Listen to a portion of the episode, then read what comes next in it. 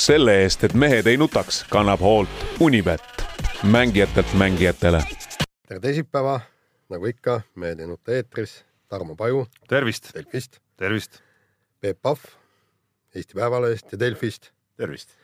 ja Jaan Martinson Eesti Päevalehest, Delfist ja igalt poolt mujalt, aga kusjuures ma sain kolleegilt äh, allkorrusel äh, kurjustada, et ma äh, kogu aeg pritsin siin valet, et ütlen, et, et Jaan Martinson ja Delfist, sellepärast et tema üritas mulle saata kirja aadressil jaan.martinson.delfi.ee ja ei saa. tagasi ja mina ütles, selle et märkuse, pidin sulle edasi ütlema. Ma unustasin ära. jah, et no selle vea parandame, Jaan, kiiresti, ära no, muretse. no, no aga parandage siis. Öeldi, et niisugust persooni Delfis ei tööta.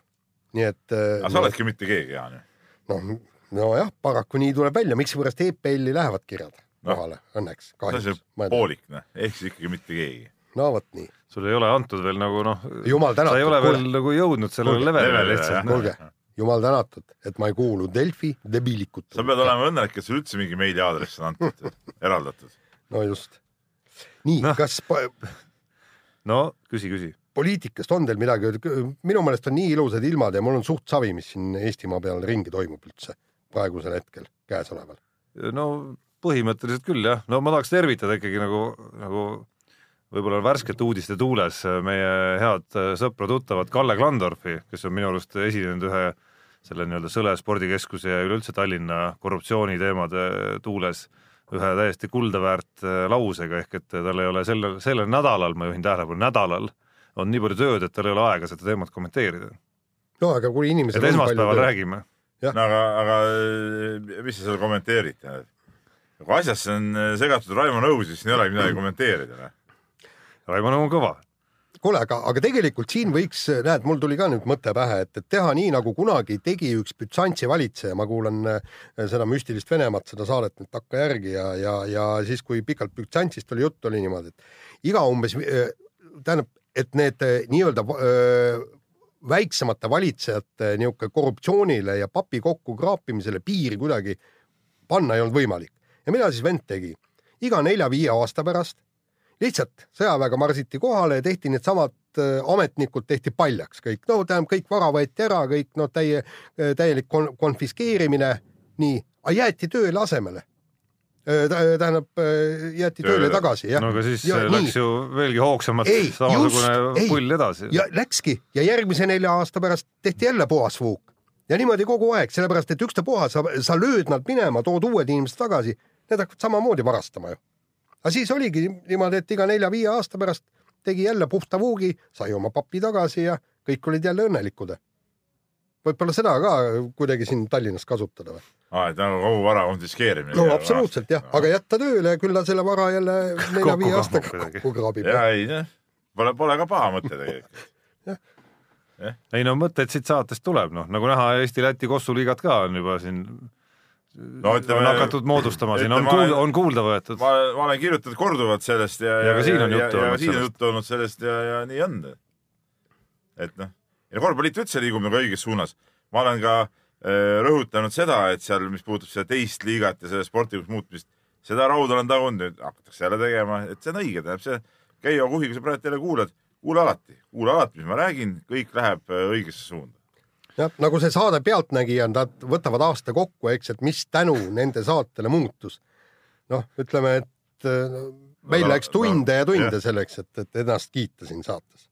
ja sellega, see on, see on päris raske isegi, raske töö, seda on palju, aga noh, mitte nii raske töö ei ole muidugi äh, see järgnev osa, mis nüüd järgneb selles saates, ehk et äh, mingil moel, kuigi ma eile Ralli stuudios avaldasin kahtlust, kas Peep ikka lastakse Eestimaale tagasi või mitte või või no kahjuks ei ole enam piirivalvureid seal vaata, kes ikkagi peavad korra sulle otsa vaatama ja siis, siis nagu kas küsivad midagi või, või va- kontrollivad dokumente või mis iganes. alati väike nagu mäletad, vanasti oli ikka mingi võbelus, et äkki mine tea, Äkki mis, mis seal läbi. nagu on, äkki ei lähe läbi, onju. aga täna seda enam ei ole ja tänu sellele on Peep jõudnud ikkagi tagasi meie juurde Portugalist, ja kus siit tahaks küsida, et äh, poodiumi kohta nägid? Ott Tänaku poodiumi kohta nägid? lõpuks. aga pidin nägema. no sa võiks ju ühegi korra ära näha. Aga kas sa oled näinud, kui Ott Tänak ronib reaalselt, oled sa näinud oma silmaga, kui ta poodiumil ronib või? mina telekast. aga mis me räägime?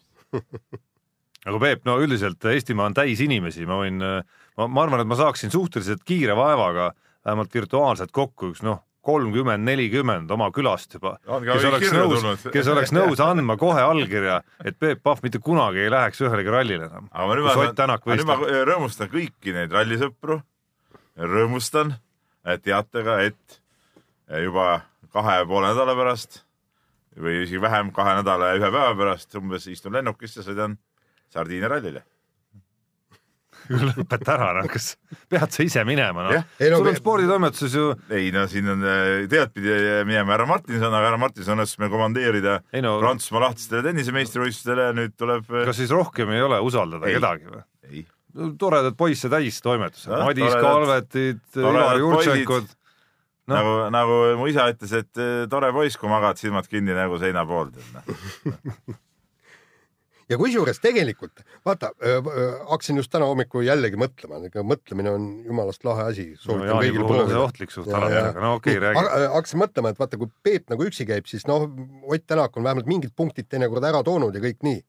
aga kuna meie öö, kolleeg Andres Vaher liitus Peep Pahviga sealsamas Portugali rallil, siis see kombinatsioon oli täiesti tappev surmav jah. ja teisel kiiruskatsel Ott Tänak kahjuks leidis öö, kaks kivi või kolm kivi, lõhkus öö, radiaatori ja nagu ma sain aru, ka mootori niivõrd, et noh, radiaatorit iseenesest ei saaks no mootor kummeles üle siis sellest asjast. jah, ja otsustati siis äh, äh, superralli süsteemis starti mitte minna, mis tegelikult äh, ma hakkan mõtlema, et, et oligi tegelikult õige, sest vaata täpselt samamoodi äh, Sebastian Ogier äh, sõitis ka võpsikusse ja siis ta pidi vaesekene nüüd kaks järgmist päeva lihtsalt seal äh, rallil sõitma. Oot,, oot-oot-oot-oot, kuule, sa käiad ju seda mootorit, sa, sa noh, tähendab ühesõnaga ütleme niimoodi, et ma, ma, ma ei ole kindel, et see oli, see oli õige asi. Tähendab ka, ka vaimselt ei olnud ju vahva. Ja lõpuks, kui olid need punktikatsed, ta ei saanud lõpuks punktikatsetest ka sellepärast mitte tal on hea stardipositsioon, aga Ott Tänak ütles kohe seda, et kilomeetrite pärast oleks igal juhul äh, olnud tarvis sõita neid, et, et asi ei olnud ainult punktikatses ja punktis, vaid, vaid lihtsalt kiiruskatsete kilomeetrite pärast oleks tarvis olnud sõita. nojah, selles suhtes nagu sinu teooria, Jaan, nagu alati, noh, sinu asjatundlikkus, nii-öelda asjatundlikkus on ka nagu teada-tuntud. noh, ei pea paika jälle. ei no aga jah, no ütleme niimoodi, et, et võib-olla vaimselt oli, vaata, sa nagu ei mõista neid ralli nüansse. ei oota, Peep, tegelikult oli vaimselt, ma millest kasu on, et, sa mõistad? Kõik läheb untsu, kui sa lähed Jah. kohale. et, et see oli hea, ta sai kena ilmaga kõik siin Eestis koos perega olla, sai äh, rallit vaadata arvutist ja, ja, ja võib-olla, võib-olla see tulebki natukene kasuks, kuigi seal on äh, Toyota meeskonnas on hoopis teisi tüüpe, kellel oleks vaja kuidagi maha rahuneda. jutt käib muidugi Jari-Mati Latvalast, kes, kes ka äh, ütleme niimoodi, et, et auto ära lõhkus ja, ja täna lugesin Soome, Soome ühest äh, ajalehest, seal oli pikk jutt, kus äh, räägiti Latvalast ja, ja öeldi, et, et seal on, seal on nagu väga-väga mitmeid probleeme, et ta on juba mitu korda leidnud kivi ja küsiti, et kuulge, kallid inimesed, kas te legendi suudate üldse koostada või? et need kivid vaata, peaksid need, olema, vaata kõik need siuksed äh, väljaütlejad ja mingid. ei, aga need olid rallispetsid no,. see, see oli need nii-öelda rallispetsid. kuule, mitu rallit nad võitnud on?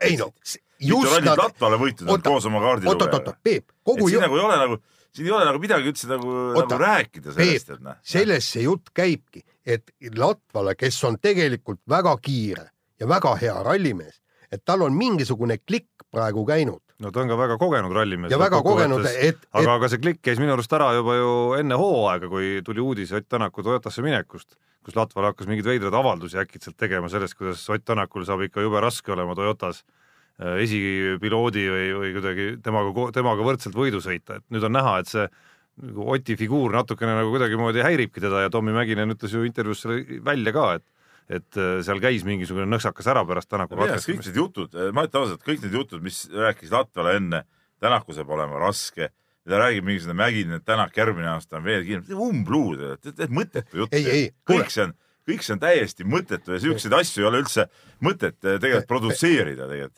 rääkida, ei No sellepärast, et see on, see on ju jura, see on ju, see ei põhine mitte millegi. aga ongi kiire ju. ei oota, see ei põhine mitte ki- millelgi ju, et, loeb ainult see, mis konkreetsel võistlusel, räägime asjast, mis tegelikult toimub ja nii ongi ja jätame need kõik need, mingid ühearvamused ette-taha, see on nagu täielik jamps. Peep, minu meelest oli see Mägineni, Mägineni jutt oli ka natuke naljakas, kui, kui ta ütles, et järgmisel aastal on Ott veelgi no, tugevam no,. no, see no täitsa- Ott on see- praegu juba tugev, auto ei ole tugev see on see ei asi no. see ja teine asi, see nagu No ei see ei jutt, et järgmine aasta on ta veel tugevam, no see ei põhine mitte millegi, see on lihtsalt, lihtsalt ajakirjanike mees maha, lihtsalt ah midagi ütlen talle, no ütlen, ta on järgmine aasta veel tugev, no aga kui ei ole, midagi sellest ei juhtu ka, noh, see on, sellepärast ongi, et siuksed, kõik siuksed jutud on täielik umbluu, samamoodi nagu Latval jutt sellest, no Tänakul saab olema jube raske. no mis, mis jube raske, no rallimees läheb, teeb autoga tutvust, no ega ta siis ei, ilma ühegi testita sinna autosse ei istu, noh.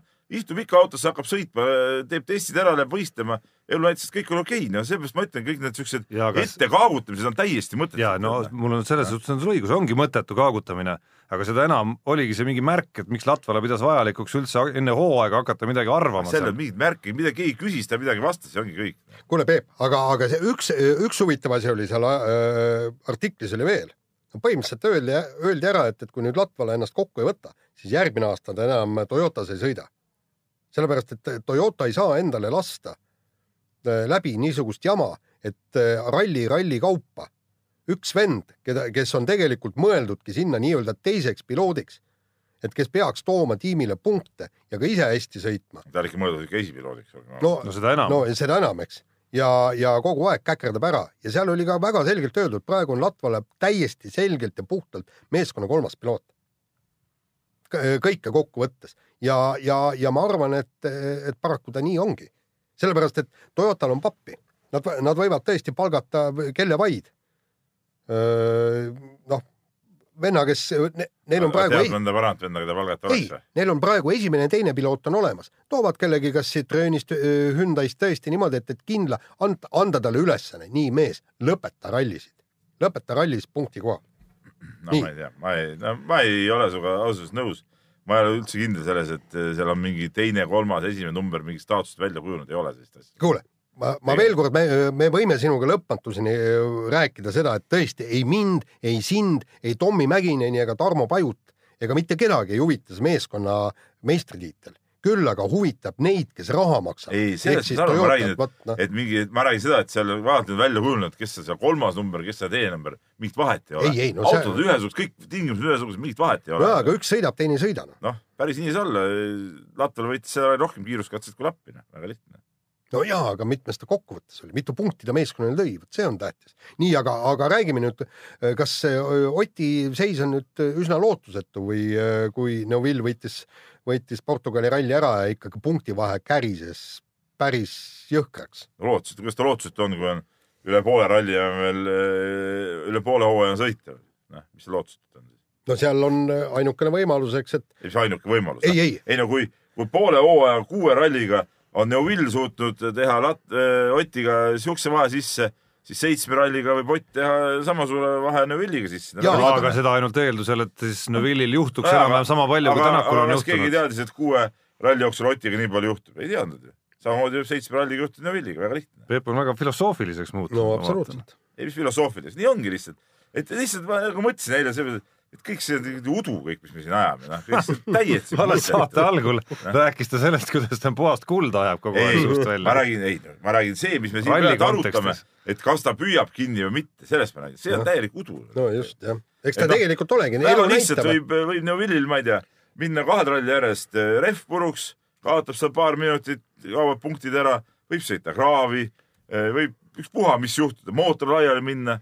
Seitse rallit on sõita. ja, ja aga noh, selge see, et tõenäosus, et see on tasatehtav, on muutunud vähemalt kaks korda väiksemaks ikkagi, kui see oli ei, enne eelmist rallit, tõenäosus, et, Ei, et Tänak seitsme aru. ralliga saab rohkem punkte eh, võrreldes sellega, kui palju ta praegu vähem punkte on, on suurem, sest et tal on seitse rallit, aga praegu on kuus rallit olnud. no okei okay,, niivõrd küll, see on väga marginaalne nii-öelda kasv, aga selgem äh, nii-öelda vahe, mis on toimunud, on see, et kui enne seda rallit oli nii-öelda Ogier vaja kinni püüda ja väiksema punkti vahega kui nüüd Neville, siis nüüd on tal vaja seesama vahe teha Ogier'ga tasa ja veel suurem vahe Neville'iga.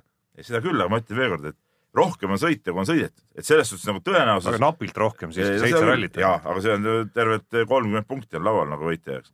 ehk siis tõenäosus on äh, sama suur, kui ta praegu on jäänud taha, sama suur tõenäosus on, et ta saab tast ette uuesti, noh. no, No tähendab- nii, ehk siis nad jõuavad viiki. nii, nii, nii lihtne see ei ei, ole. oot, oot, oot, oot, see ei ole Tarmo,, vaata Tarmo, see ei ole nagu, nagu maratonijooks, et üks on nagu eest ära ja teine peab eh, midagi eriliselt pingutama, et järgi jõuda. see on ralli, seal võib iga ralli, ma ütlen veel kord, võib juhtuda nii, Jaa. et jääb Neuvill kaks rallit nullile, ongi vahe, ja vahe, käes. ja Peep, aga tõenäosus, et äh, juhtub midagi Neville'iga, on sama suur kui see, et juhtub Tänakuga selle järgmise seitsme Ei, ralli jooksul. Tarmo. Koolis oled ju käinud, eks? absoluutselt.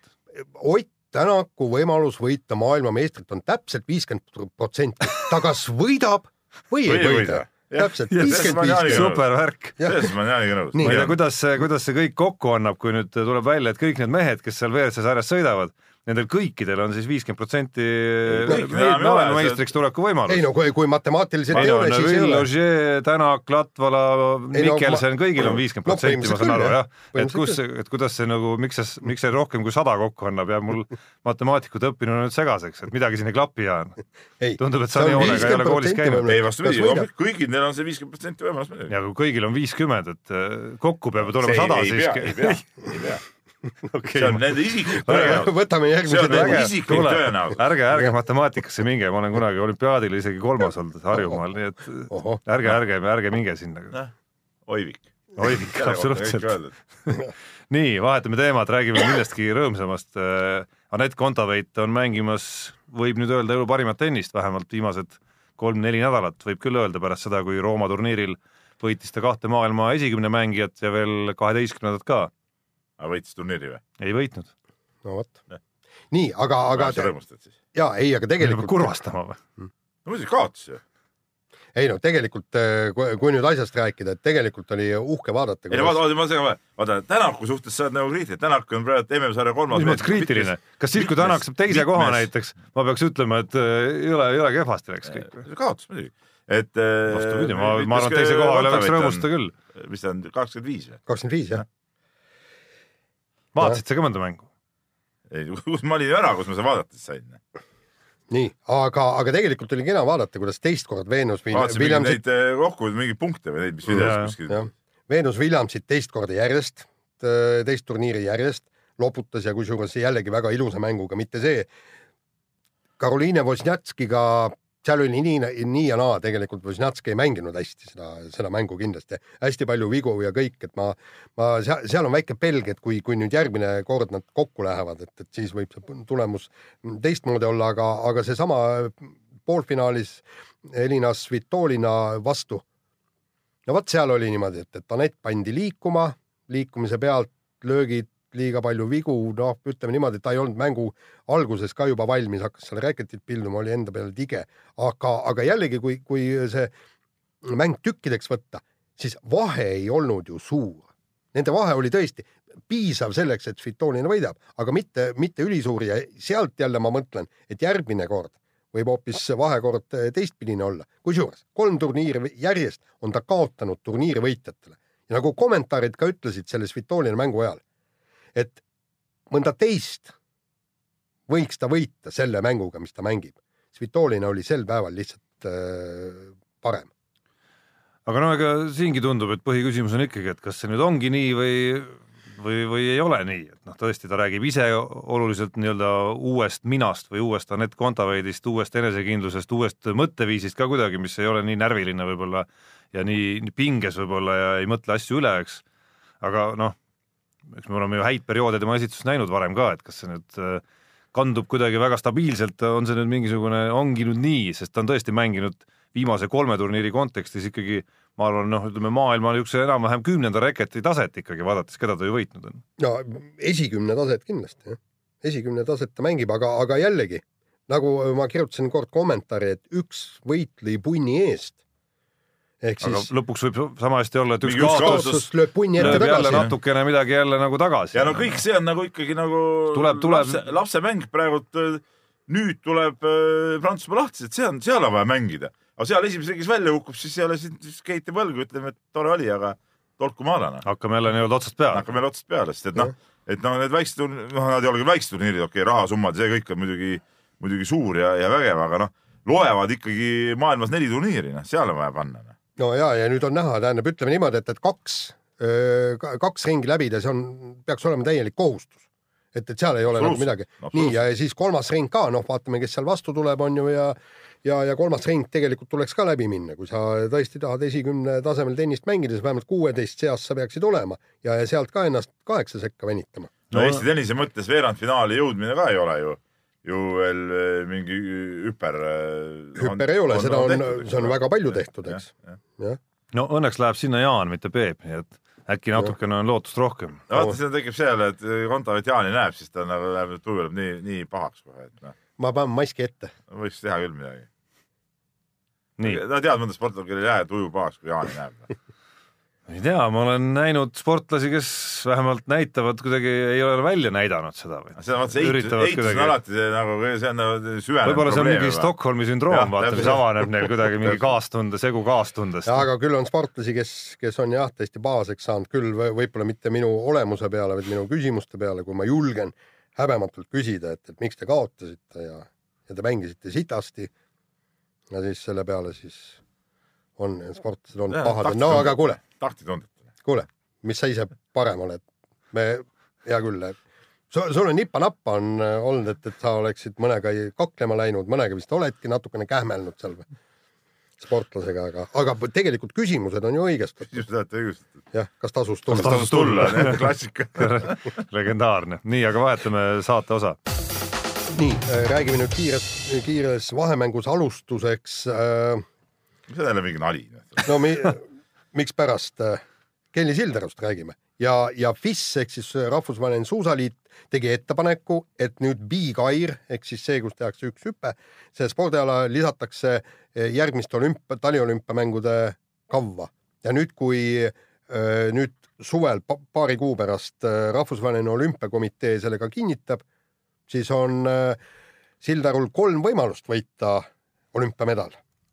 jääb lootus, et seda ei kinnitata, sest minu arust see nende siukeste alade nii massiline pealetung äh, olümpiale, no see on nagu totter, no mis see üks hüpe, siis mingi kaks hüpet, siis teeme kolm hüpet, siis teeme, ma ei tea, pool hüpet ja nii edasi. ei, seal on murdmaasuusatajad sõidavad viis kilomeetrit, kümme kilomeetrit, kolmkümmend, viiskümmend, suusavahetus, klassika, vabasõit. selles ma olen nõus, ka liiga palju on tegelikult. Mäesuusatajad äh, sõidavad ühesuguse värava Mingi- äh, vahega, siis järgmisega. Peep, kergejõustikus on üks hüpe kauguses, on kolmikhüpe, noh, vasarat on vaja heita, ketast on vaja heita, oda on vaja visata. spordialad. no aga noh, siin noh, ma ei tea, kas seal peale selle, ma saan aru, et eh, see üks hüppevõistlus juba on olemas ju.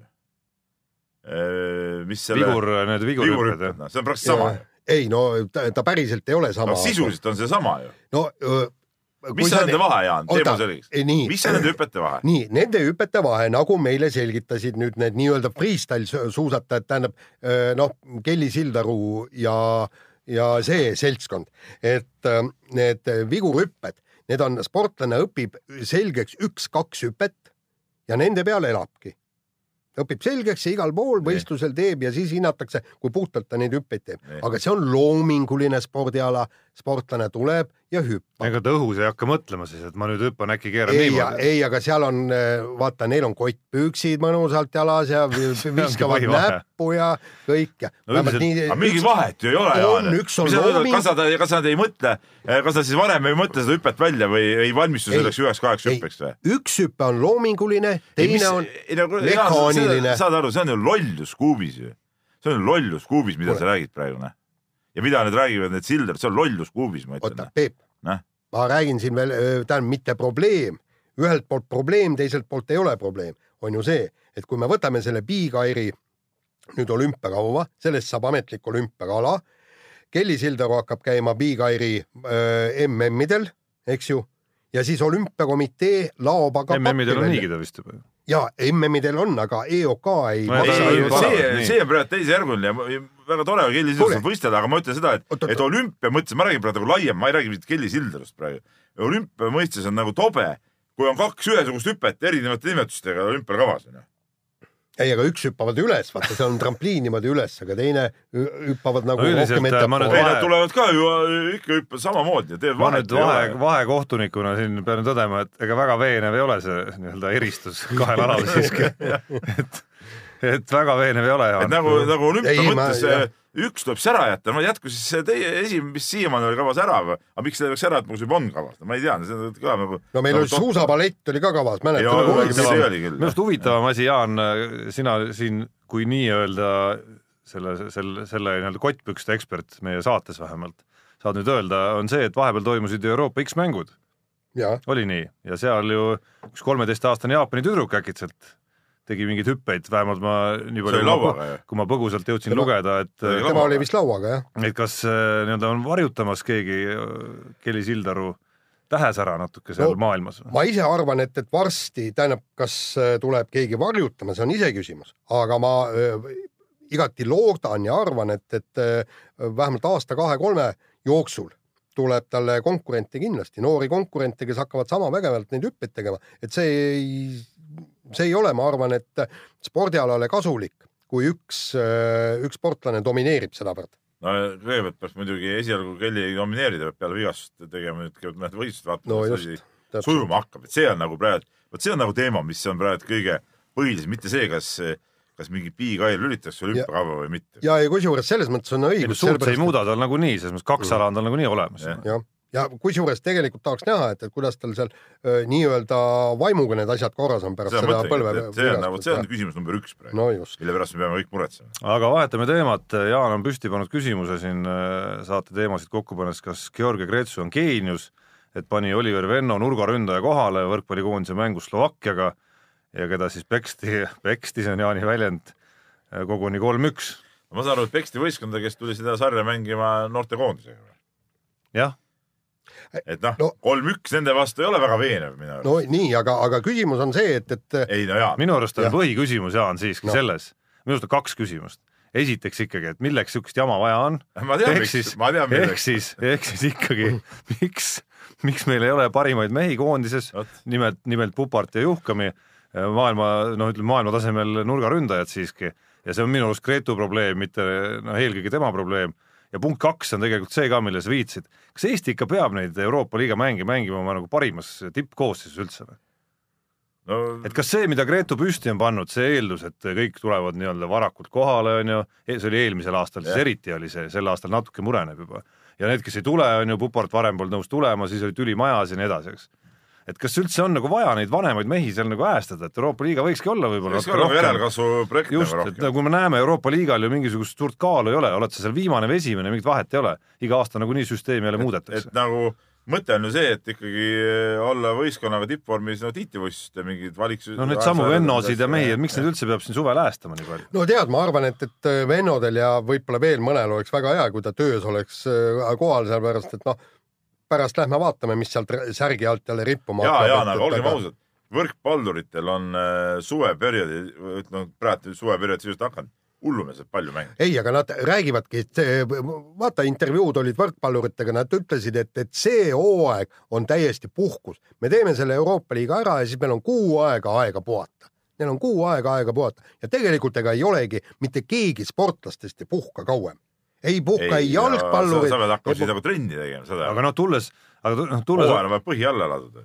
tulles alguse juurde tagasi Uuele ikkagi noh, tegelikult ei peaks meil vaja olema üldse mingeid selliseid eksperimente, et üritada vennot äh, sinna, sinna nagu sättida. minu, ma sain Gretu jutust aru, et meil on ju kõvasid nurki peale Robert Tähe küll ja küll veel olemas, kes saavad jah, hakkama ju, et miks me nüüd vennot pidime kasutama siis?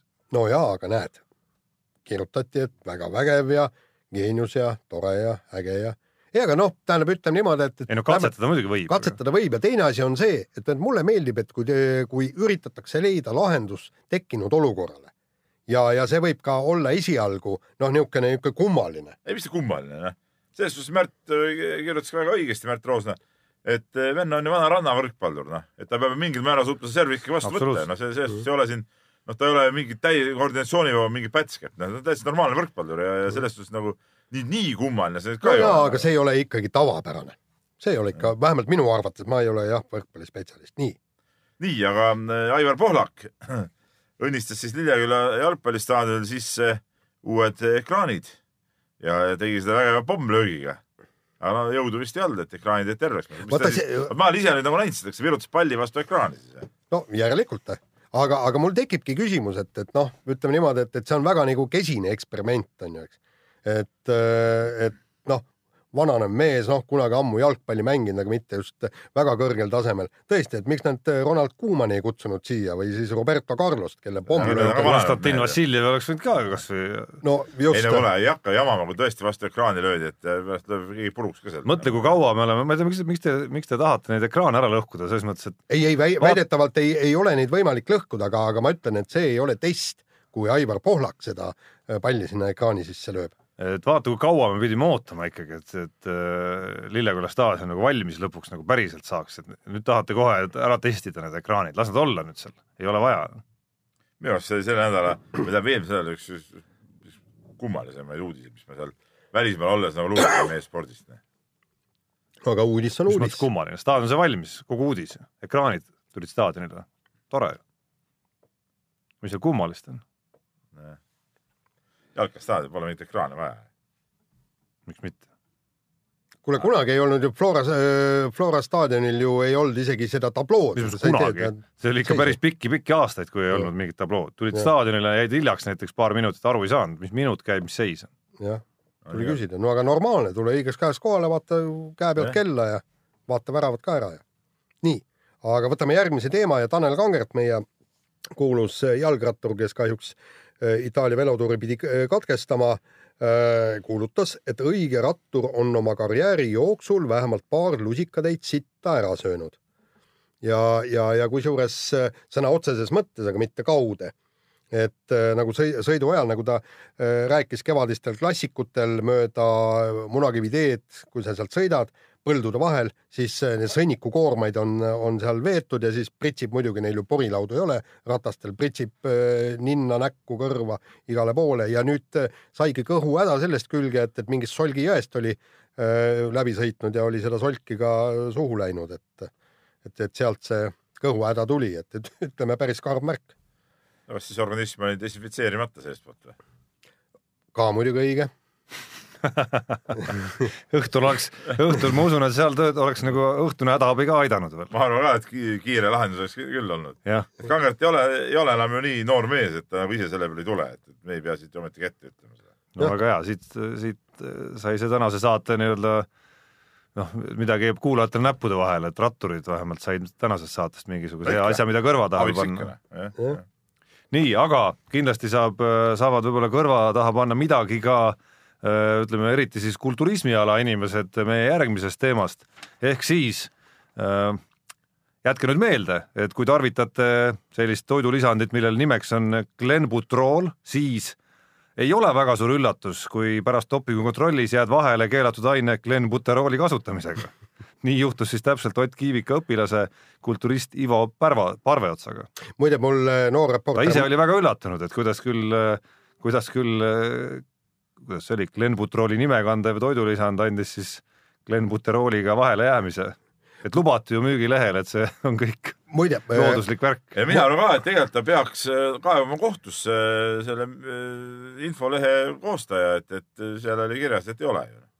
muide, noor ma saan reporter, aru, et ma saan aru, et pakendi mingisuguses manuaalis see vist oli kirjas siiski. jah, oota, oota, ma selgitan nüüd natuke. noor Nii. reporter äh, Märt Roosna, kes selle loo kirjutas, väga hea lugu, lugege kõik, helistas hommikul ja ütles, et ta oligi leidnud reklaami ja äh, mikspärast sellel toidulisandil on niisugune nimi, et reklaamitaksegi nii, et Glenbutrol on legaalne looduslik äh, äh, see toidulisand, mis mõjub nagu Glenbuterol. Vot sellepärast ongi tal niisugune nimi, et, et nüüd pange, pange kõik seda, et, et samamoodi lihased kasvavad kõik, aga purgi peal on jah, siis väikses, väikses kirjas kirjutatud, et ikkagi paraku nii puhas ta ei ole, et seal on ikkagi ka seda seda Glenbuterooli õiget, asja sees. jaa, aga aga siis äh, ütleme eksitava reklaami eest mina annaksin kohtusse. Ka see küsimus tuli, aga noh, ütleme niimoodi, et, et siin nüüd Eestis Ameerika sü- kohtusüsteemi vastu minna, ma arvan, et, et see ei ole väga, väga, no tähendab, selleks peab sul endal ka kõva papp äh, kaasas olema ja kõik nii, aga igal juhul kahetsusväärselt äh, sportlane vahele jäi ja, ja nüüd äh, siis antidoping otsustab, kas, kas mõista talle nelja-aastane karistus või siis vähendada seda ka- karistuse määra, sellepärast et noh, sportlane nagu teadlikult ei tarvitanud seda ainet.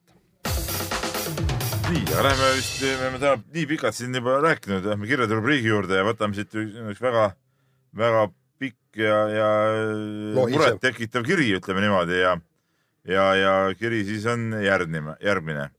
et viimane spordinädalavahetus oli väga jõhker, eriti reede ja laupäev. et pühapäev jätkus mustade toonidega koos Neuvilli võiduga. õhtune Euroliiga tõi küll veidi leevendust, kuid mitte piisavalt ja nüüd ongi siis välja toodud Eesti spordisõbra elu ongi üks pettumuste jada, et hetkega tulevad meelde. Janitsenoksi võidukorv Kalevi vastu, Ott Tänak Poolas kaks tuhat viisteist ja kaks tuhat kuusteist, Levandi Valliv M üheksakümmend üks, no kõik mäletame seda finišit, eks ole, võrkpalli Eesti versus Serbia käest lastud võit, jalgpallis käest lastud võit või vähemalt viik Hollandi vastu kaks tuhat üks, Buffoni eemaldamine selle aasta Champions liiga, liiga mängus, eks ole, Kanepi veerandfinaali kaotus Wimbledonis, Šmiguni kukkumine otsustavatel, otsustaval etapil hooaja üldvõidu peale ka aastal kaks tuhat. Cramo poolehoidjana Danoka võidu kolmene Balti liigas ja siin ma vaidlen vastu, et see oli üks suurepärasemaid hetki muidugi. nii, noole õudustöö Sydneys, noh lõpuks olümpiavõit tuli, siin mõned asjad on kummalised. Kupper medalist ilmajäämine Rios. No, no see oli küll valus, see oli valus. ja nii edasi ja nii edasi. ja siis, et õige spordisõber on ebasoodsa tulemuse korral omadega täiesti läbi, on närvis ja märatseb, magada ei saa, ketrab mõttes soodsaid stsenaariume, töö juures ei suuda keskenduda. raskematel juhtudel võib see kesta mitu päeva. mehed, mis teha, et kõike seda kergemalt, kergemalt taluda? ja siis äh, küsib veel siia, et kas ajakirjanikuamet laseb teil üldse sporti jälgida nii nagu peab või on kogu aeg mõttes, et kuidas me seda kõik kirja paneme? ja ta veel ütleb peale selle, õnneks ei jõua Eesti kunagi jalka MM-i finaalturniirile, kus kaotab finaalis penaltitega, noh, see on, see on jah välistatud. ja aga, aga kuidas toime tulla, Jaan? Tegelikult ongi probleem, no ütleme niimoodi, et, et ma mäletan seda, et, et kui mul oli kaheksa võistluse pikkune kett, kus alati mingi kuradi jama juhtus, ma käisin kaks korda maadluse Euroopa meistrivõistlustel ja mõlemal korral sisuliselt esimeses kes see kurja juurde? ja es, esimeses ringis meie maadlejad kaotasid välja, siis läksin sinna suusa, suusatamise MM-ile, seal ka ainukene tõesti uudisväärne asi oli see, et, et vendade pihod, pihode suusad unustati ära määrimata, nii ja, ja neid võistlusi oli kaheksa tükki ja siis lõpuks mulle pakuti, et kuule, mine nüüd äh, sinna Euroopa meistrivõistlustele lühiraja ujumises Iisraeli. ma ütlesin, ma keeldun sinna minemast, sest sealt on jälle mingisugust jama oodata. ja ajakirjanikuna sa mõtled kaheksa võistlust järjest, sa pead kirjutama sellest ainult kaotustest. et kogu aeg kuulama selgitusi, põhjendusi, nägema kurbi nägusid ja see ei ole vahva. see tõesti ei ole kindlasti ei vahva ole. vahva ja mis ma veel ütlen, et, et üks nüanss on muidugi veel. Ma julgen selle siin ikkagi nagu üles tunnistada, et eh, seoses lehe trükkimineku ajaga mõnikord, kui oma sportlane on eh, näiteks kaotusseisus või ütleme, et eh, tema kaotus lõpetaks matši nagu kiiremini või jooks nagu asja lehte, siis paraku tuleb olla selle poolt, et nii läheks, et asi lehte jõuaks. et no nii on, hinges sa ei ole selle poolt, aga pragmaatiliselt oled, aga kuidas no, no, üle seda, elada? seda on ikka, noh, seda on ikka tegelikult väga palju, et sa mõtled ikkagi, sa lülitad natukene välja selle nagu kaasaelamise mingisuguse režiimi endas ja sa mõtled ikkagi rohkem sellele, et oh, oleks nüüd, et võidaks see meie lemmik, on ju mm, -hmm. vaid pigem sellele, et kuidas seda kõike nüüd kajastada, see, see on minu arust küll, on see, mis, see haigus, mis kaasneb natukene selle ametiga. aga aga, aga meil on, meil on retsept, retsepti, retsepti praegu ei ole, sa pead lihtsalt endal paksu naha kasvatama ja südame kül- külmaks tegema, sest Eesti on nii väike riik, et meil tuleb kaotusi rohkem kui võite. ma mäletan, see oli Sydney olümpiamängudel, mulle esimesed olümpiamängud, kui meie selja taga olid vene, vene ajakirjanikud, terve äh, punt ve- vene ajakirjanikke ja analüüsisid, et, et eh, kes mida kajastama läheb, noh, neil oli seal mingisugune Sovetski sport, võib-olla kaheksa-üheksa ajakirjanikku kohal, eks, igale alale ei jõua. Ja siis rääkisid, et kuule, aga lähme võib-olla seda, ma ei tea, Ivanovi vaatama. ja siis teised ütlevad, oh ei, seda me ei lähe vaatama, sealt üle pronksi ei tule, et eh, unustage see vend ära, et lähme ikka sinna, seal on kulla-hõbeda võimalus. ja sa ja, ja, ja Venemaal ongi niimoodi, noh, keegi põrub, aga keegi ikka midagi võidab. täpselt sama on ka soomlastel, noh, hokis läks pekki, aga kuskilt jälle tuleb, tuleb mingisugune võit, võit juurde, no okei okay,, neil läks kehvasti, NHL-is ka ei saanud nagu öö, finaali ei jõudnud, aga vist üks mängija ikkagi mängib finaalis neil. et, et midagi on, et, et see on väikse riigi probleem. nii on jah. aga no üks retsept on muidugi alati.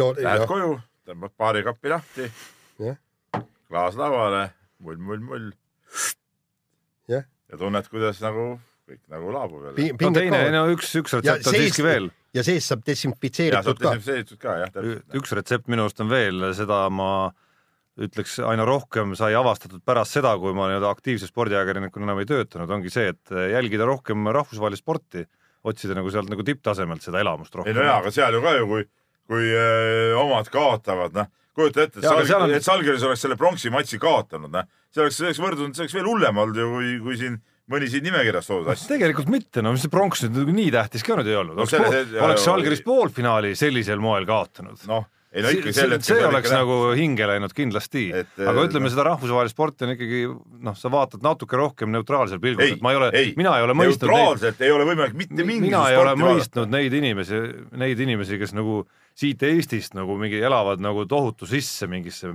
ma ei tea, lähevad omavahel tülli kas või mingid Eestis asuvad Manchester City ja Unitedi fännid näiteks, noh. ei no see tülli minek on totrus, aga ei ole mõtet sporti üldse vaadata, kui sa ei ole konkreetselt kellegi poolt. Ma ei vaata mitte kunagi niimoodi, et, et mängivad mingisugused võistkonnad ja ma ei ole ühe peale, ei ma olen alati, ma valin alati poole, igal juhul, sest ainult see annabki võimaluse spordile kaasa elada. muidu ei ole mingit võimalust ju kaasa elada. ei, minu, mina, mina saan seda teha. Väga ma- hästi, lihtsalt lihtsalt naudin seda nagu vaatemängu, mis mis seal, mis seal, sünnib. see ei ole ju vaatemäng kui sa ei ole kellegi poolt. seal võib tekkida see poolehoid mingil Ei, hetkel no. juba just sellepärast, et okei okay,, nüüd ma tahan nagu vaatama alati, kui sa hakkad juurde. euroliigat vaatama, sa tead alati, kumma poolt sa oled ju, alati on Ei üks võistkond, muidu sa ei tea. No mina ei tea, no, sina tead, noh. no mina tean muidugi. ja. seepärast minu vaatamine ongi õige. ei, ma selles ei kahelnud kordagi isegi. see on nagu, see on nagu elementaarne. ma tahan, kirju jõuab praegu rohkem võtta, ma Ansule tahan ütelda, Ants kirjasaatja. ta siin ka seesama ralli jutu peale, eks ole, et, et ja tema kirjutab päris nii radikaalselt, et Eesti jääkarus peaks olema selgeks saanud reeglid, ükskõik kes tem- lehemeestena kohal, siis rallit ei võideta. selleks, et täna tuleks maailmameistriks, peaksid välja leppu kokku, nad ei saa saada esindajad kohale, tead muidugi vale. See on vale sest. Jaan, sa olid kohal, kui Ja. Tänak võitis oma karjääri esimese ralli. ja absoluutselt ja ma Antsule kirjutasin ka vastusse, ma olen kuus korda rallidel käinud ja viis korda on ta Tänak pääsenud poodiumile. nii et, et see on tegelikult päris hea, hea suhtarv. nii, aga meil on aeg sunnib takka ja Kõvasti. kõvasti ja, ja lähme nüüd vehklemise juurde ja väga huvitav seis oli äh, Vehklemisliidus ja Vehklemis Eesti või vehklemisringkondades toimus. ühesõnaga äh, vali, valisid, meil süsteem on selline, et EM-ile, MM-ile äh, saadetakse ja valitakse vastavalt reeglitele. seal on niimoodi, et, et naiskond, naiskonda valitakse kolm parimat vehklejat koduste punktitabelite järgi. ei pluss valita, vaid nad saavad seda. Nad saavad jah, nii ja treenerite kollektiiv valib neljanda sportlase, neljanda, täpsustame nüüd, viie esimese edetabelis viie esimese treeneri äh, hääletuse tulemusena, just ja, ja ta saab pluss koondise peatreener. just ja ta saab minu meelest valida edetabeli, kas, kas nüüd äh, viie või kuue vehkleja vahel mm. -hmm. nii. ja treenerite kollektiiv tegi siis otsuse, et sõidab äh, edetabeli number viis Irina Emrich ja Katri, Katrina Lehis jääb EM-ilt ja MM-ilt välja. Läks paar päeva aega, juhatus pidi otsuse kinnitama ja aga juhatus otsustas öö, muuta reegleid, lüüa individuaalturniir Euroopa meistrivõistlustel ja võistkondlik turniir lahku ja käituda nii, et naiskondlikul turniiril on tõesti see, keda treenerid otsustasid valida. kolm pluss üks ehk siis Riina Emrich. küll aga individuaalturniirile valiti äh,, määrati vehklema Katrina Lehis ja Irina Emrich jääb siis individuaalturniirilt välja. ja, ja see nüüd äh, tekitas nii naiskonna peatreeneris äh, Kaido Kaabermas, Irina Emrichis ja, ja teistes naiskonda kuuluvates vehklejates äh, küllaltki pahameelt. ja põhjus on väga lihtne. Irina Emrich on naiskonna kapten, naiskonna liider ja selleks, et edukalt esineda naiskondlikul turniiril, ta peaks end individuaalturniiril lahti vehklema.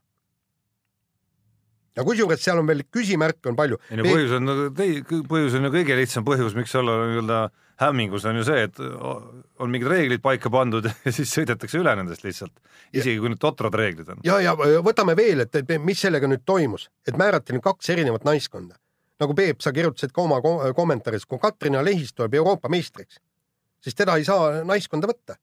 Ta on Euroopa meister, aga istub tribüünil ja vaatab äh, naiskonna vehklemist no, pealt. põhimõtteliselt ei saa ju, kas selle peab, kas seda ei saa otsustada jooksvalt või? põhimõtteliselt võib juhatus pärast äh, Katriina Leis Euroopa meistriks tulekut no, tulla kokku juhatus võib teha igast ja asju. otsustada, et äh, homme vehklevad naiskonnavõistluses need lihtsalt. juhatus võib teha igast asju, aga no olgem ausad, kogu jama hakkab ju pihta sellest, et kogu see vehklemise juhtimine on ju alla igasugust arvestust, noh.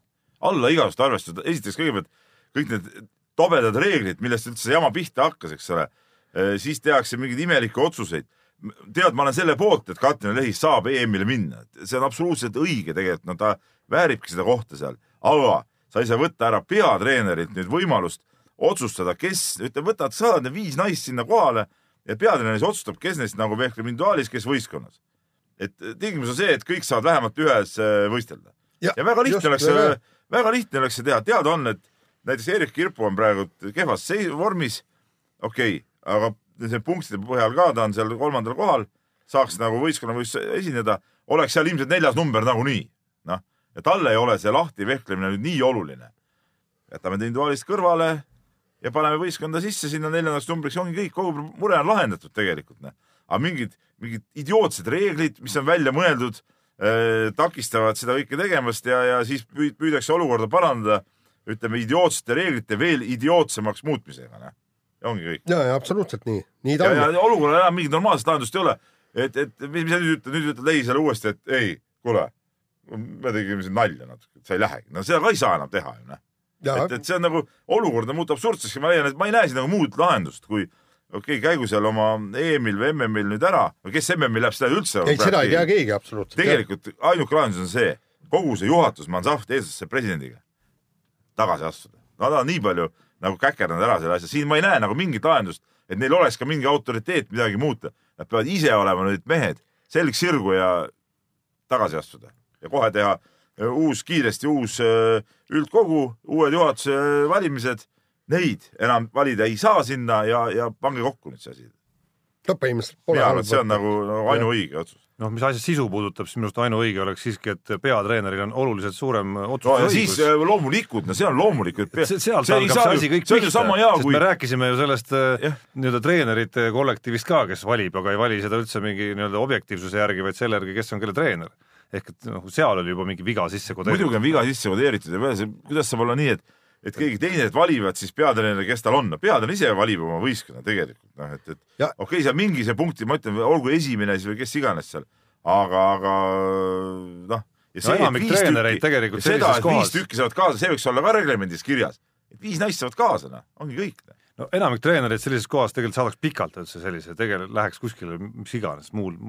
seda ka mingi muu asjaga tegelema. ma ootan seda Kaabermat ka natuke sirge, sirgeseljalisemat tegutsemist. ja, ja, ja kusjuures okei okay kui me räägiksime, et noh, et mingisugune treener, et noh, et kas ta on ennast tõestanud, kas ta on hea treener, jah, ta ei treeni neid vehkleid, aga kas tema eesotsas ei no see ei puutu praegu asjasse, tema on pandud peatreeneriks, tema vastutab ju. jah, aga teine asi on ju see, et, et Kaido Kaaberma on maailmameistrite treener, valitsevad maailmameistrid ongi need naised, just täpselt. tema on ju pandud koondise peatreeneriks, see, kas tal on mõni õpilane seal, see ei puutu ka otseselt ju asjasse. no just praegu. täpselt. et, et et tema peab vastutama selle tulemuse eest, tema on peatreener ja kui ta ise ei saa nagu midagi selle vastutuse heaks nagu teha, et talle määratakse sinna need ja need, eks ole, noh siis ei ole midagi parata. ei no nii võiks hakata ju võrkpalliliit ka praegu Gretu eest äh, määrama siiski nii, et lepib kokku Juhkame, Juhkame ja Pupartiga midagi seal ja siis läheb, ütleb Gretule, et kuule, näed, et äh, viisteist juuli ikkagi on Pupart on sul siin. ei ma kirjutasin kommentaaris ka, saame Tiit Sokule siis nüüd, siis kolme esimese klubi peatreenerid määravad siis mehed kellega ta peab mängima ja siis hakkab mängima. Noh. ja, ja, ja kusjuures määratakse ka, et need peavad olema algviisikud. Need treenerid määravad selle ära, siis äh, juhatus tuleb ka veel kokku ja, ja otsustab, et, ja otsustab, et ei, et äh, me siin jagame seda asja võib-olla veel paremini siiski. ja et äh, seal on paar venda veel, kes võiks, kelle võiks ka ära vahetada ikkagi. nii on.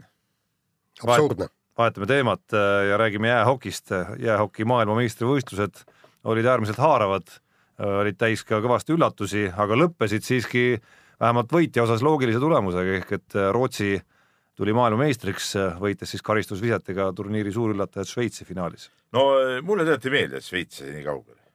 et minu arust nagu ikkagi see medalid no, see on hoki suurturniiridel viimasel ajal ikka kuidagi suurte vahel aina sagedasem nähtus. aga Šveits on nüüd teist korda mingisuguse viimase viie-kuue aasta jooksul. no pluss paneme Saksamaa siia ka juurde, kes no, Saksamaa olümpiana see jah, jah. aga aga see selleks, et mul oli kahju muidugi USA-st, ma olin nagu sellel turniiril nagu äh, üsna selles paadis ka lugedes erinevaid äh, arvamusi, et USA võiks olla seekord väga hea koosseisuga ja mängida suurt mängu, seekord nad Rootsiga tegid poolfinaalis null kuus tappa said, oli muidugi ikkagi noh. No aga ütleme niimoodi, et ne, neil ei läinud, ei mahtunud see litter kuidagi sisse, nad tegid nelikümmend pealeviset, nelikümmend üks pealeviset rootslaste kahekümne vastu ja niisuguse statistika pealt jah, saada null kuus, okei okay,, ma saan sealt aru, et, et paari päevaga saada, et see ei olnud ka loogiline. küll aga äh, siis, kui juba Šveits oli jõudnud, ma, olen sellega, sellega Pe- Pe- Peebuga ühes paadis, tähendab, olin alguses ühes paadis et kui nägin, et Šveits jõudis finaali, mäletad, mäletan, et, et kaks tuhat kolmteist oli Šveits ja Rootsi samuti kohtasid, seal lihtsalt Rootsi nagu rullis, pani kolmandal kolmandikul kolm väravat, võitis viis-üks. ja siis ma mõtlesin ka, et pagan küll, et, et oleks pidanud ikkagi Kanada sinna jõudma, et oleks finaal huvitav olnud. aga siis finaali vaadates, siis ma hakkasin just Šveitsile kaasa elama, sest kui juba nad on poolfinaalis, siis see oleks ikka punk olnud. Pullitites jah, ma olin ka, ma tunnistan ausalt ka, ma olin natuke Šveitsi poolt. et, et äh, aga, aga üldiselt. no ikka nagu Taani jalgpallurid ja, ja kunagi kõik ikka Taani samasugune värk nii nagu. Eerik, aga ütleme. ei, ma ütlen samasugune äge lugu ikkagi oleks see nagu võidu kättesaamine seal. aga ma finaalmatši eriti ei näinud, sest ma vaatasin samal ajal Euroliigat tegelikult ja ma hakkasingi, hakkasingi seda okit eh, vaatama sisuliselt alles siis, kui ma jälgisin nagu seisu, aga vaatama alles siis, kui Koss oli ikkagi läbi. aga see muster minu arust jooksis seal nagu hästi läbi, noh, samamoodi saab, saab seda tagantjärele vaadata, et pärast Soome kaotust Šveitsile sai mõeldud, et no, et mida hekki nii-öelda onju, et kuidas nad siukse kala läbi lasid, siis selgus, et Kanada lasi ka veel samasuguse asja läbi. Ja kui sa neid mänge vaatad, siis nad nägid ju selles mõttes sarnased välja, et siin seal mindi nagu ikkagi nagu mingil määral mütsiga lööma sedasama Šveitsi et miskipärast olid Šveitsi mängijad miskipärast olid Šveitsi mängijad need, kes uisutasid pidevalt, tundus, et uisutasid kaks korda kiiremini. ei, vaata, vaata. Nemad olid esimesena liitrid juures kogu aeg, noh. jaa, aga, aga see ei olnud, ei tulnud uisukiirusest, aga see oli see, vennad mängisid nii meeletu südamega. no aga kes see keelab soomlastel või kanadalastel jaa, aga neil ei ole ju see eluvõimalus. Neil on talenti ju oluliselt rohkem satsis. teine selles asi, ongi probleem, neil on selles talenti ongi probleem rohkem. ja nad jäidki lootma sellele lõpuni ja välja, noh. üks asi see ja teine asi on see, et noh, nende jaoks, nagu Jaan ka ütles, ei ole see elu ja surma küsimus, erinevalt Šveitsist, kelle jaoks see on nagu giga, mega, super, hüper. ja, ja, ja kusjuures see seda on natuke, vabandust korra, see on natuke ka see jama, et, et see, kas see hoki MM peab ikka iga aasta olema, see tekitab kas ta ka, ma peab arvan, olümpia-aastal ja see tekitab seda rutiini veel rohkem, seekord oli MM kõvem kui olümpia, väga kõvem ja seekord saadi kokku väga kõvad äh, võistkonnad MM-ile. väga palju oli ju väga kõvasid mehi. kusjuures muidugi ja, ja, ja Šveits, NHL-i viimase kolme aasta resultatiivsuse edetabeli tipumehed olid äh, kohal. ja kusjuures seda Šveitsi, Šveitsi sitkust näitas see paar momenti, aga üks oli eriti, ma, ma, ma nüüd või- võin, võin natukene äh, valetada, aga kuskil neli-viis minutit, kui litter püsis neil tsoonis. Nad ei saanud seda litrit välja ja kui neli-viis minutit kindlasti seda ei ta ole., ta oli neli-viis minutit, Jaan, ei püsi Ei. mitte kunagi litritsoonis. sa, sa oleksid seda näinud jah Jaan, no, või- neli-viis minutit ei püsi liter, Tarmo, sa oled ka okit mänginud, neli-viis minutit. ei no kindlasti hoki Ei. ajaloos on seda no juhtunud jaa, aga no see ei ole, see ei kõla nagu adekvaatsena Peep, selle, selle võib tegelikult isegi üle vaadata, kui viitsiks.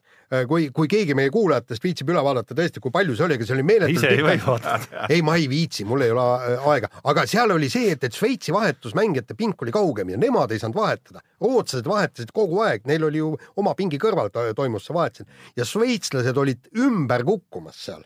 ja, viis ja minutit, Jaan, ei suuda mitte keegi jääl püsida. aga see oligi hämmastav. ei suuda viite minutit, ma ei taha seda uskuda, ma ei, ma ei No,, kuna ma ei näinud, tahavad siis ma öelda ei ilma pausita või? jah, ja, ja ilma nad ei suutnud see küll ei ole võimalik. ja rootslased vahetasid ka veel samal ajal, hoidis Ei, liitrid tsoonis. ei saad aru, nad sai, said üksikuid vahetusi, nemad said teha, üksikuid vahetusi said teha. see kõlab nagu tüüpiline Jaani ulme. ei, aga, aga, aga vaadake see huvitav läbi, see oli kas teise teise perioodi lõpp, kolmanda perioodi selle peame algus. tõesti üle vaatama. ei, see, see oli ikka Stopp müstikas. käima ja läheb. jah, just. Aga vaadake, ei, Šveits on sitke. nii, aga no peame siia eh, ploki lõppu siiski kuulutama ka rõõmusõnumit, mis kelle, kellegi jaoks enam sõnum muidugi ei ole. et siis Euroliiga finaalis üheksateistaastane Luka Doncic tegi puhta töö. kõigepealt siis äh, aitas meeskonna finaali, siis laupäeval nii-öelda suurel galaüritusel korjas siis teist aastat järjest tõusva tähe, mis oli nagu kummaline, et see nagu teist aastat järjest. aga seda antaksegi teatud vanusepiirini ja jah. mitu korda ka veel. et äh, tõusva tähe tiitli ja siis äh, põhiturniiri MVP tiitli, siis äh, aitas meeskonna finaalis võidule ja sai ka Final Fouri MVP tiitli, noh. aga kas ta vääris seda eh, MVP tiitlit? aga miks ta ei väärinud? ei, ei, ma, ma küsin, et kas tema see... noh tegelikult..., ta ei joonistunud nüüd nagu mäekõrguselt ei, välja no, aga, aga, aga ikkagi ütleme, tema ju ei saaks öelda, et see oleks ebaõige olnud. tema ju ikka dirigeeris seda meeskonda, olgem ausad, tema mm. dirigeeris, okei okay,, eh, Fabian Courseur tegi finaalis küll suurepärase mängu, eks ole, aga, aga Doncic dirigeeris seda meeskonda et minu arust seal midagi ebaõiglast kindlasti ei, ei olnud ja, ja, ja see tema sealolek ja noh, tõesti see fenomen, olla, võimalus olla tunnistajaks nagu sellisele fenomenile, mida ei ole tegelikult ju noh, midagi võrreldavat pole, ma ei tea, mina, mina oma teadliku spordi jälgimise äh, elu jooksul siin Euroopa korvpallis pole tegelikult nagu ei mäleta ikkagi, okei okay,, Lebron James NBA-st tuli ka ikkagi uskumatult noorelt juba, aga kui vana see Doncic on siis? üheksateist ja tal on olemas siis Euroopa meister äh, koondisega, Euroliiga MVP, Final Fouri MVP ja Euroliiga tiitel, just nagu polegi nagu mitte midagi Euroopas rohkem teha. Noh. ja ei olegi, no aga NBA ootab juba. jah, et see oli see põhjus, miks mina, kes ma muidu ei ole eriti Reali fänn äh, ja Reali poolt jättes nüüd Žalgiris välja sellest Final Fouri äh, nelikust, kes on nagu noh, erandlik ja meie oma natukene. ja natukene, et ongi täiesti miks, meie. miks äh, mina olin väga selle, sellesama Reali koosseisu poolt, kuhu olid tulnud veel Sergei Lull ka tagasi ja kus tundus niisugust nagu noh, sellist nagu mingit laheduse nagu loor oli ümber kogu sellel asjal ja kus, kus nagu tundus ka mingit emotsiooni nagu rohkem kui natuke nendes kahes ülejäänud nii-öelda masinas seal ehk siis Moskva CSKA-s ja, ja Istanbuli Fenerbahce'is, natuke niisugused masinlikud ja, meeskonnad, natukene ilma niisuguse nagu kuidagi nagu inimliku ja nagu persooni säratanud. eriti nagu CSKA minu arust e, oli niisugune, eriti niisugune, kuidas ma ütlen, nagu, nagu, nagu mingi stantsi alt tulnud nagu tead, noh. et seal ei olnud nagu midagi, aga eh, Fenerbahce võib-olla noh, oli nagu natuke rohkem ikkagi niisugust nagu inimlikkuse mõõdet sees, aga, aga aga Real eh, ilmselgelt er, eristus nagu teistest, noh, selle, selles suhtes. ja no muidugi Salgeris, aga midagi pole öelda, no Salgeris ikkagi äh, mängis selle Final Fouriga vapralt, ega ei ole midagi ütelda. jah, noh, näha oli natukene, et ega see Euroliiga tiitli võitmine nüüd noh, ei saaks öelda, et nad ei oleks olnud suutelised selleks no,. et, ühe, et nad on ühes mängus oleks võimelised, on alati võimalik, eks, aga aga noh, natuke tõestas see Final Four ka seda, et nii lihtsalt see paraku enamasti siiski ei käi, mäletame sedasama Fenerbahce't, kes Obradovitši käe all, eks kõigepealt jõudis Final Fouri, kaotas poolfinaalis, siis jõudis Final Fouri järgmine aasta, kaotas finaalis ja siis lõpuks saadi see finaalivõit ka nagu kätte, onju. kusjuures see üks kaotus oli ju päris dramaatiline ka, mis nad finaalis, mis nad finaalis olid saanud, onju. et eks seal oli näha, et Žalgirise meestel mingi vibra oli ikkagi nagu sees, et kui nad järgmine aasta peaks uuesti sama suutma, siis ma usun, et, et neil on nagu lihtsam seda poolfinaali mängida juba. aga ikkagi see oli nagu ikkagi suurepärane, et nad seal mängisid ja see andis nagu selle Final Fouril niisuguse erilise hõngu nagu ikka nagu ikka oma meeskond tahaks mängida, midagi ei ole teha. nii, hurraa, aga mehed, jätkake korvpalliga, rääkige, mis koduses korvpalliliigas äh, toimub, et neli-null on tõsiasi. kas äh, no,, kuulge. ma ütlen jaa, enne kui sa hakkad midagi rääkima, ma ütlen kohe ära. peale neid Euroliiga mänge, eile siis, no ma tulin eile niimoodi komandeeringust koju. Äh, ma otse mängu ei näinud, vaatasin pärast järelvaatamisest seda mängu. noh noh, ma saan aru, et see levelid ongi erinevad, aga, aga see kontrast oli ikka nagu, väga nagu, nagu liiast. kuulge äh,. Tarmo nõustud minuga või? Peep ja Tarmo no, tege.... raske oli jah, raske oli. ma olen nädalavahetust väike väss oli sees ka. kuulge, tehke, tehke selgeks praegu Postimees oma koduleheküljel vaidleb kaks ajakirjanikku, üks ütleb, et kaitset pole ollagi, teine ütleb, et noh, nii lihtsalt neid asju ka öelda ei saa, kuigi jah, sisuliselt sada punkti mängust eh, visatakse. kas on siis kaitset olemas või ei ole kaitset no, olemas? aga mis me ütleme, ega Kalev on visanud ka ju ühisliigas äh, siukseid mänge, kus nad panevad üheksakümmend punni ise ka või siin, eks ole, ära. siis me ütleme, et ühisliigas ka kaitset ei ole. noh, see nagu, ega see punktiskoor ei näita alati muidugi äh, seda kaitsemängu, küll nagu ma ka eile vaatasin äh, seda äh, Tartu kaitset, noh et eh, selge see, et Kalevis sealt tekib eh, väga palju ikkagi suhteliselt vabu viskekohti ja see tuleneb paraku sellest, et eh, Tartu ressurss ja võimalused on suhteliselt piiratud, noh. ja, ja nad proovivad olemasolevate jõududega mängida kaitset, mis nagu on natuke ikkagi sihuke riski, riski business ehk siis, et kas, kas Kalev viskab ära või ei viska, nii nagu näha, esimese mängu lõpus ei visanud ära, oli nagu raske. nagu üldjuhul siuksed tasemel meeskond ikkagi viskavad ära ja, ja siis ei olegi midagi midagi parata, et kui sul on ikka vabad kohad, no siis pannaksegi ära, noh. et no. ega Tartu ei ole praegu selline võistkond, kes suudaks, ma ei tea, nelikümmend minutit äh, närida neid äh, kalevlasi nagu, nagu täiega, noh, No lihtsalt ül- ei ole lihtsalt seda materjali. üldjoontes äh, on ju kolme mängu üldsaldo enam-vähem selline ette arvatud, kui sa kolme mängu punktid kahe meeskonna peale loed kokku, noh, enam-vähem midagi sellist äh, vahekorda võis ka arvata aga ma pean siiski ütlema selle su viimase lause kohta ka just, et äh, ma ootaks natuke Tartult nagu rohkem, ma saan aru, et see materjal paneb nagu piirid natukene, aga noh, seda enam võib-olla veel julgemalt need nemad noored seal väljakule ja ikkagi olla natukene nagu, natuke nagu no isegi mingil, mingi maani nagu räpasem võib-olla natukene, kuidagi üritada rohkem nagu lõhkuda seda. minu arust Tartu laseb nagu liiga lihtsalt ikkagi Kalevil selle oma mängutempo ja need, omad asjad kõik nagu üles võtta olgem ausad, Tartul ei ole ka siukseid eh, tüpaaže eriti, kes eh, väga oleksid võimelised see Kalevi mängu lõhkuma. aga ma ei näe, et nad ka sellises stiilis nagu, et neil varianti oleks tegelikult. no ei olegi, ei Oli- oli, ei tohigi olla mingit varianti, nagu me Tarmo sinuga eh, siin tund aega tagasi aga no praegu mul on natuke mulje, ei et nad, et nad nagu ei ürita ka isegi natukene, nad ei lähevadki saa nagu natuke ei liiga leplikult võib-olla ka just nagu kaitse poole pealt, et seda nagu lõhkuvat, midagi lõhkuvat võiks nagu rohkem olla seal ikkagi. ja no aga mi- millega või kellega nad lõhuvad seda? no nendega, kes on, üritavad vähemalt niimoodi no.. No, nad praegu nagu on- iga mängu alguses on ikka viis minutit on mängitud ja Kalevil on juba kakskümmend punkti koos Nad on praegu üritanud ikkagi eh, varieerida seal erinevaid neid eh, erinevaid maa-alasid ja kõiki neid. variante ja, ja sellega noh, no raske on öelda, ma ei mõistaks ka seda ausalt öeldes nagu hukka, et, et et kui sul ikkagi ei ole neid nuppe, noh, sul ei ole neid nuppe, no siis, siis sa ei saa minna neid, sa lähed seal ilmselt hakkima, siis siis sõidetakse täitsa maa sisse, noh. No ei tea, ma tahaks, et nad prooviksid vähemalt no. korra siiski seda. no see proovimine, üheksakümmend punkti, ütleme sajast rääkimata, aga üheksakümmend punkti äh, nagu Tartu ei viska mitte kunagi üle. ei muidugi ei viska, jah. muidugi ei viska. et noh, pigem kõik läheb nii, nagu oli arvata. nii, kohtume siis äh, nädala pärast. ma ise loodetavasti, loodetavasti olen Pariisis, veel tol ajal siis olen telefoni teel. loodetavasti sa oled igal juhul Pariisis. ei ole, pühapäeval mängivad mõlemad, saavad tappa, ma olen esma, esmaspäeval tagasi, teisipäeval saates. nojah, aga nagu no ma räägingi, tähendab, siis maksad oma koondeeringu ise kinni. no, no miks, sina loodame, käskisid mul minna. loodame väga, et me Jaan ei näe sind nüüd tükk aega, ühesõnaga. Tarmo et me ei näe sind vähemalt kolm nädalat Tarmo varsti. Ots nõus, me teeme juhtkonna tase, No kaks. tasemel äh, ettepaneku, et Jaan maksab komandeeringu ise kinni, kui ma usun, et meie finantsjuht on äh, väga väga selle poolt. ja tegelikult ma loodan, et ma ei ole äh, kaks nädalat siin see võikski spordi, Kuule., see on hea mõte, Peep. Spordi komandeeringute puhul võikski see reegel nagu tulla. ei, üldiselt ma ei tahaks seda reeglit. kuigi me oleme seda nii-öelda nagu, nagu Postimehes töötasime, siis see oli nagu tavaline praktika, et kui resultaat ei tulnud, siis sa saadad kohe sõnumi, et et paraku tuleb komandeering katta oma kuludega. see on tavaline. nii, aga kes siin stuudios järgmine nädal on, seda näeb keegi ikka on. jah, võtame ikka- kellegi asemele. jah, seda näeb järgmine nädal, aga sellega on saade läbi, me, me oleme tund ja kaks minutit te, teie aega mõnusalt sisustanud, nüüd aitäh. mehed ei nuta.